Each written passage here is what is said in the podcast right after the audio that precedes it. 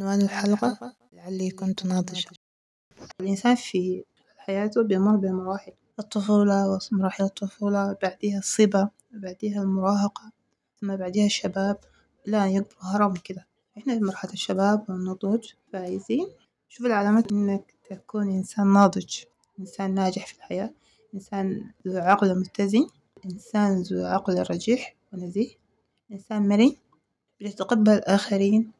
بتتقبل النقد البناء وبتتقبل النصايح. مرن في حديثك مرن في تقبلك للتجارب مرن ما في حياتك في مجتمعك هكذا أشياء.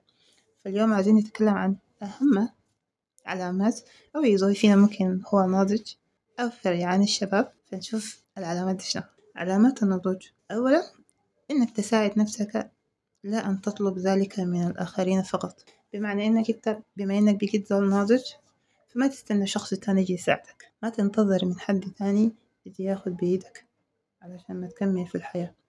فيبقى إنت لازم كإنسان ناضج لازم تعرف الصح وين تخطط لنفسك تعمل بلان لنفسك إنك إنت عايز شنو في الحياة. تحط هدفك وتبدأ تسعى عليه بقدر الاستطاعة حقتك.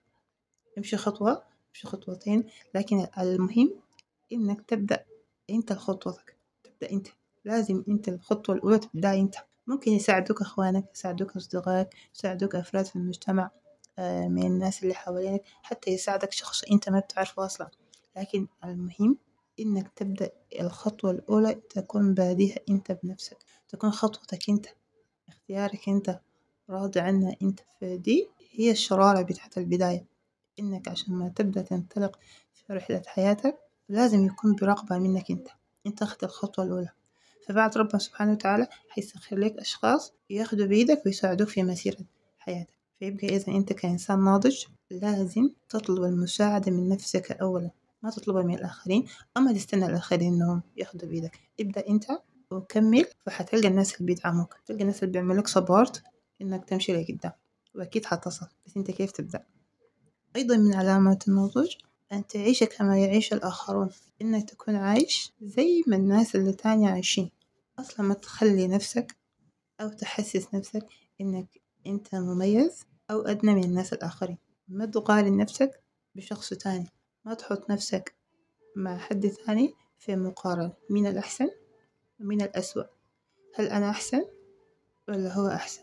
المقارنات دي هي اللي بتضع الإنسان في محور الكآبة والوحدة وإنك تتراجع عن نفسك وإنك تفقد الثقة في نفسك. فيبقى إذا كإنسان ناضج كشاب ناضج عليك أن تعيش كما يعيش الآخرون. بمعنى أنت زيك زيهم ما أحسن منهم بحاجة ولا أسوأ منهم بحاجة. يبقى إذا ما تفضل نفسك عليهم تبدأ زي ما الناس بدأ. الناس بتبدأ من الصغيرة وبيكبروا بيكبروا ربنا سبحانه وتعالى هو هو الرزاق.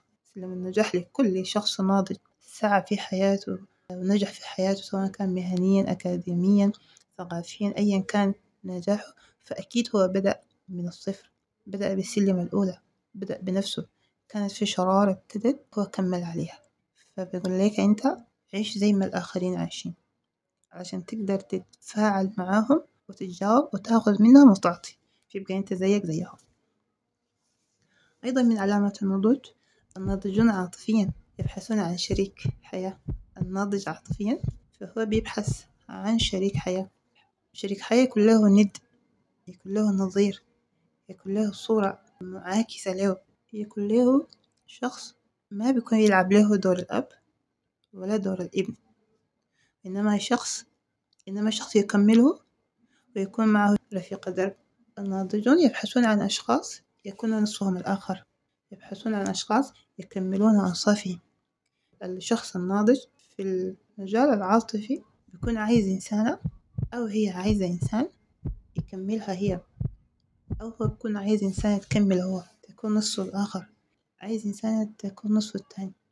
كل ما يشوفها يشوف فيها نصف اللي هو محتاج له نصف اللي هو فاقده.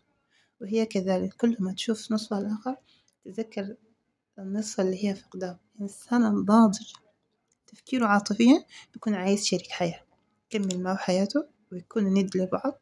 يكونوا مكملين لبعض. طبعا أنا مدرك للحب والعاطفة مدرك للانتماء مدرك للود وأيضا مدرك للتفاهم وهذه الأشياء. لكن أنا بقول البداية لازم يكون في ند لازم يكون في شريك لازم يكون في شخص مكمل لشخص تاني فكل شخص واعي عاقل فبيبحث عن الشخص اللي بيكمله بيرتاح له لما يسمع لما يتكلم معاه ولما يسمع له لما يتفاهموا مع بعض لما يتعاملوا مع بعض فبيكون في نصف هو أو جزء هو بيبحث عنه. كالناضجين بيفكروا بالأسلوب ده. أيضا من علامات النضج أن ننفق أقل مما نجني. علامة إنك تكون ناضج لازم بتنفق أقل من اللي بتجنيه. بمعنى مصروفاتك اللي بتصرفها تكون أدنى تكون أدنى من اللي بتجنيه. في بين زي أنت كإنسان ناضج لازم ما تسرف لازم صرفك يكون مقيد لازم تكون عندك جدولة بادي بيها حياتك المادية. كيف تصرف كيف تتوسط الأمور كيف تقتصد في نفسك. فأنا لما أقول إنك تكون متوازن أو تكون آه، تنفق أقل مما تجني فبتكلم على الشكل العام بشكل العموم. إنك أنت في ممتلكاتك في أموالك في تعاملك تكون إنسان مقتصد. بالذات في الجانب المادي فأنت تكون إنسان مقتصد. ما تكون من المبذرين ولا من المسرفين ولا من هؤلاء. الناس الذين ذكرناهم آنفا. فيبقى كن مقتصد كن متوسط الصرف فدي أمور عقلانية أمور إنسان عاقل أمور إنسان ناضج. بيكون متوسط كل أموره في الحياة. أيضا من علامات النضج إنك تعرف الفرق احتياجات والرغبات الإنسان الناضج يكون عارف هو احتياجاته شنو وهو رغباته شنو. يعني الأهم له شنو والمهم له هو شنو. فيبقى أنت كإنسان ناضج إحنا كأناس ناضجون فبنفرق بين الرغبة والاحتياج. دايما الاحتياجات هي بتكون حاجات أساسية. إذا دي تسمى احتياجات يعني أشياء بالنسبة لي أساسية كالأكل والشرب واللبس آه، والدراسة آه، إذا أخذت هذه كأمثلة فدي أشياء بالنسبة لي أساسية. احتياجات متطلبات بالنسبة لي أنا ككي كإنسان علشان أكون إنسان مرن ومتفاعل في المجتمع فدي أساسيات لازم تكون متوفرة فيني. دي احتياجات لازم تكون متوفرة. تعليم صحة آه، أكل شرب لبس لغة كلمة. فدي إسلام. فدي احتياجات بالنسبة لي أخلاق. فدي احتياجات لازم تكون موجودة في حياتي. أما الرغبات آه، فهي الأشياء الثانوية الأشياء اللي ما مؤثرة في الحياة. أنا عندي رغبة إني مثلا أسافر دولة ما تمام؟ دي رغبة. وفي نفس الوقت متطلبات حياتي بتجبرني على إني أكون قاعد في دولتي دي لمدة معينة من الزمن. فيبقى إذا ده احتجاج. الرغبة هنا ما بتلعب دور كبير. كأنا كظن ناضج بأجل رغبتي بناء على على الاحتياجات. ثم أتطرق للرغبات الثانية. الإنسان بيعيش على الاحتياجات اللي بتخليه هو آه، مستقيم في في حياته. عايز أذكر أيضا بحاجة مهمة جدا جدا. النقطة اللي أتكلم عنها هسه هي نقطة مهمة في حياة الإنسان. عايز أقول لك أنت لازم تعرف إنه رأيك بنفسك أهم من رأي الآخرين بك. حط في بالك إنك رأيك أنت بنفسك هو المهم. آراء الآخرين ما ذات أهمية في اللحظة اللي أنا هسه بتكلم عنك فيها. يبقى أنت أول مع نفسك لازم تعرف تماما يقينا إنه رأيك بنفسك هو مهم جدا. ليه؟ لأنه رأيك بنفسك ثقتك في نفسك ومدى تقبلك لنفسك هو اللي بيعكس شخصيتك أمام المجتمع. علشان تكون عندك شخصية في المجتمع وتكون شخصية مؤثرة ومرنة مقبولة بين أفراد المجتمع فلازم يكون عندك ثقة في نفسك. لازم يكون رأيك في نفسك مقبول. لازم تكون أنت عندك رأي في نفسك. أنا الصح. أنا غلط الأسلوب اللي ماشي به في حياتك فيبقى لازم أن تدرك رأيك بنفسك وتعرف رأيك أنت في نفسك أهم من آراء الآخرين. لأنك أنت أدرى إنسان بنفسك أدرى إنسان بنقاط ضعفك أدرى إنسان بسلبياتك وبإيجابياتك أدرى إنسان بمميزاتك وبعيوبك. ما شخص تاني بيقدر يميزك أو بيقدر يصنفك أكتر من نفسك؟ فيبقى أنت تقعد مع نفسك وتراجع مميزاتك وعيوبك سلبياتك وإيجابياتك المرونة حقتك فتشوف وتقرر وتدي رأي لنفسك تشوف أنت شو بيك فأنا بترك لك المساحة إنك تقعد مع نفسك وتشوف وتقرر. بذكرك مرة ثانية وبذكرك أنت أيضا مرة تانية فرأيك بنفسك مهم جدا. لا تعطي الأولوية للاستحسان من الآخرين على حساب نفسك. أي أنت وأنت ما تتغيروا. علشان الناس. ما تعملي حاجة أو أنت ما تعمل حاجة ضد مبادئك وضد أخلاقك وضد شعائر الإسلام عشان ما ترضي بها شخص آخر. ما تعمل حاجة علشان ما تضحك بها شخص آخر أو أنت تنال بها استحسان أو ود شخص ما. فدايما خليك بسجيتك خليك بفطرتك خليكي بوعيك خليكي بطبيعتك خليكي كما أنت خليكي كما أنت فيبقى إذا إحنا بنكون بطبيعتنا بنكون بفطرتنا بنكون بمبادئنا وأهدافنا وأخلاقنا. ما حنغيرها عشان ذول ما حنتغير مبادئنا دي عشان نرضي آخرين. طول ما أنت مبادئك هي الصح مبادئك على صح وأخلاقك على النهج الإسلامي وتصرفاتك صحيحة فيبقى إذا نحن مش حنعيش بها في الحياة.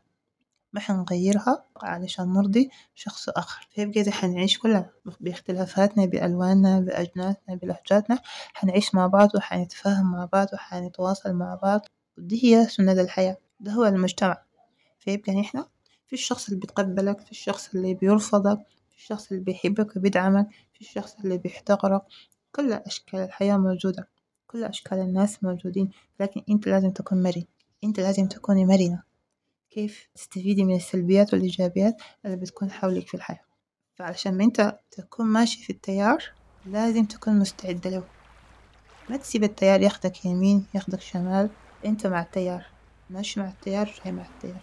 لكن لازم أنا أكون عندي معدات علشان لما أكون ماشي عكس التيار أكون ثابت. تكون ماشي عكس التيار وما عايز التيار يتلاعب بيك فلازم تكون ثابت. طيب حتثبت بشنو أنت حتكون ثابت بأخلاقك بمبادئك بإسلامك بوعيك بتعليمك بتطورك بثقافتك بحنيتك بحبك بالتزامك بكرمك بعطفك بطيبتك. فدي كلها أدوات بتخليك أنت ثابت في العاصفة بتخليك أنت عارف وجهتك وين هي البوصلة اللي بتخليك أنت ما تتوه في الصحراء أو ما تتوه في البحر أو ما تتوه فخلي بوصلتك إسلامك. خلي بوصلتك أخلاقك خلي بوصلتك لغتك تعليمك ثقافتك طيبتك تسامحك خليهم هم البوصلة حق حياتك انت كده بتكون في التيار. انت كده ممكن تمشي عكس التيار إذا أحببت انت كده ممكن تتجاوب وتكون مرن مع تغلبات التيار. خلي بوصلتك شغالة وما حتوه. إن شاء الله. أيضا من مظاهر النضوج علامات النضوج في الإنسان أن تظهر الانفتاح والمرونة. لا تظهر العناد أن تظهر الانفتاح والمرونة ولا التعصب الرأي علامة النضوج إنك تفعل أكثر مما تتحدث. إنك تتحدث أقل مما تفعل. لا تظهر العناد. تتقبل الآراء الأخرى. تتقبل النقد البناء. تكون عندك مرونة في الاستجابة. تكون عندك مرونة في الردود. في التواصل. كإنسان ناضج أنت لازم تكون مرن. ممكن إحنا نقول إنك تكون بالك طويل تكون إنسان بالك طويل. تكون إنسان خلقك عالي ما تكون ضيق الخلق. لازم تكون عندك آفاق كبيرة علشان ما تكون مرن. وأنا أيضا عايزة أقول إنه المرونة لها متطلبات. أنت علشان تكون إنسان مرن لازم في متطلبات معينة أنت تكون مدرك ليها. إنك تكون وعيك عالي تكون صدرك رحب تكون قلبك رحيم تكون إنسان صبور. وأيضا إنك تكون إنسان متسامح. الوعي مع التسامح مع الصبر مع الحكمة كل ده داخل قلب. طيب فأنت بتكون إنسان مرن. لأنك أنت حتقدر تتقبل الآراء الأخرى حتقدر تسامح حتقدر تعطي فرصة ثانية وثالثة حتقدر تتراجع عن غلط. أنت غلطت ويكون عندك الشجاعة إنك تحترف بالغلط ده وتصلحه وتكمل من جديد. ما في إنسان ما بيغلط. كلنا بنغلط. لكن في إنسان بيغلط وبيتمادى في الغلط. إنسان تاني بيتعلم من أخطائه وبيبدأ بيكمل من جديد. في إنسان بيتعصب لرأيه سواء كان رأيه صح أو غلط أنت كإنسان ناضج ما بتتشدد في الرأي بتقبل الآراء الأخرى. في النهاية بتكون في حجة. حجة علمية هي اللي بتفصل بين بين الناس. التعصب والعنف والتراشق بالألفاظ دي علامات لشخص هو فقد كل سبل المنطق. شخص فقد كل الحلول. اللي ممكن نحل بها الموضوع فلجأ للتراشق والعنف والأساليب الخشنة. فدي علامات لأنه الشخص ده فقد المنطق وصل حد فقد المنطق فلجأ لاستخدام تلك الأساليب. فمرونتك ما بتخليك تصل لحد ده من من التعامل. فخلي في بالك إنك لازم تكون مرن. مهما كنت موهوب مهما كنت ناجح مهما كنت متفوق مهما كنت متطور في حياتك العلمية والمهنية والثقافية وحياتك الأسرية أيضا مهما كنت ناجحة. يجب عليك أن تمتلك مهارات التفاعل مع الآخرين. يجب عليك أن تمتلكي مهارات التفاعل مع الآخرين. طيب علشان ما تتفاعلي مع الآخرين وعلشان أنت وإحنا نتفاعل مع بعض لازم تكون في مهارات معينة إحنا نمتلكها أولا. الشخص بيكون ناجح أكاديميا لكن سلوكه مع المجتمع سيء. فنجاحه ما, حي... ما حيفيده بحاجة لأنه هو في الأخير ما حيعيش في المجتمع ده براه كل الكون رب سبحانه وتعالى خلقه مكمل لبعض منظومة متكاملة مع بعض. كل إنسان يحتاج للآخر في شيء ما فيبقى أنت بالك ما بتعيش. مهما كنت ناجح مهما كنت متطور لوحدك ما بتعيش. لازم يكون عندك مهارة التواصل.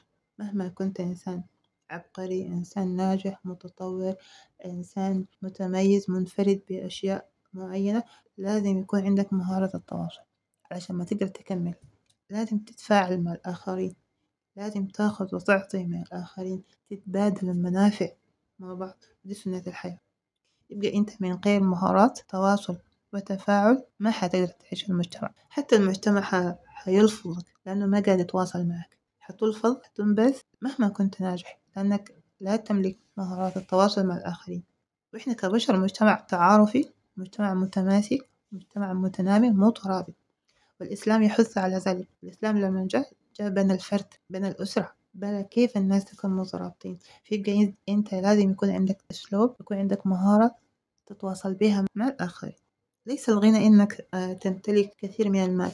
علشان ما تكون غنيان ما إلا أنت يكون عندك مال كثير جدا. الغنى امتلاك كثير من الخيارات. الغنى إنك تمتلك كثير من الخيارات. أنت بخياراتك المتعددة ممكن تحصل على المال.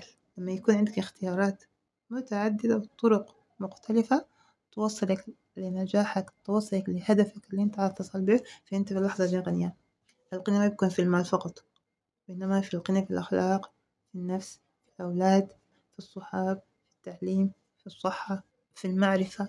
لا تتسلق سلم الوظيفة عندما تستطيع أن تتسلق سلمك الخاص.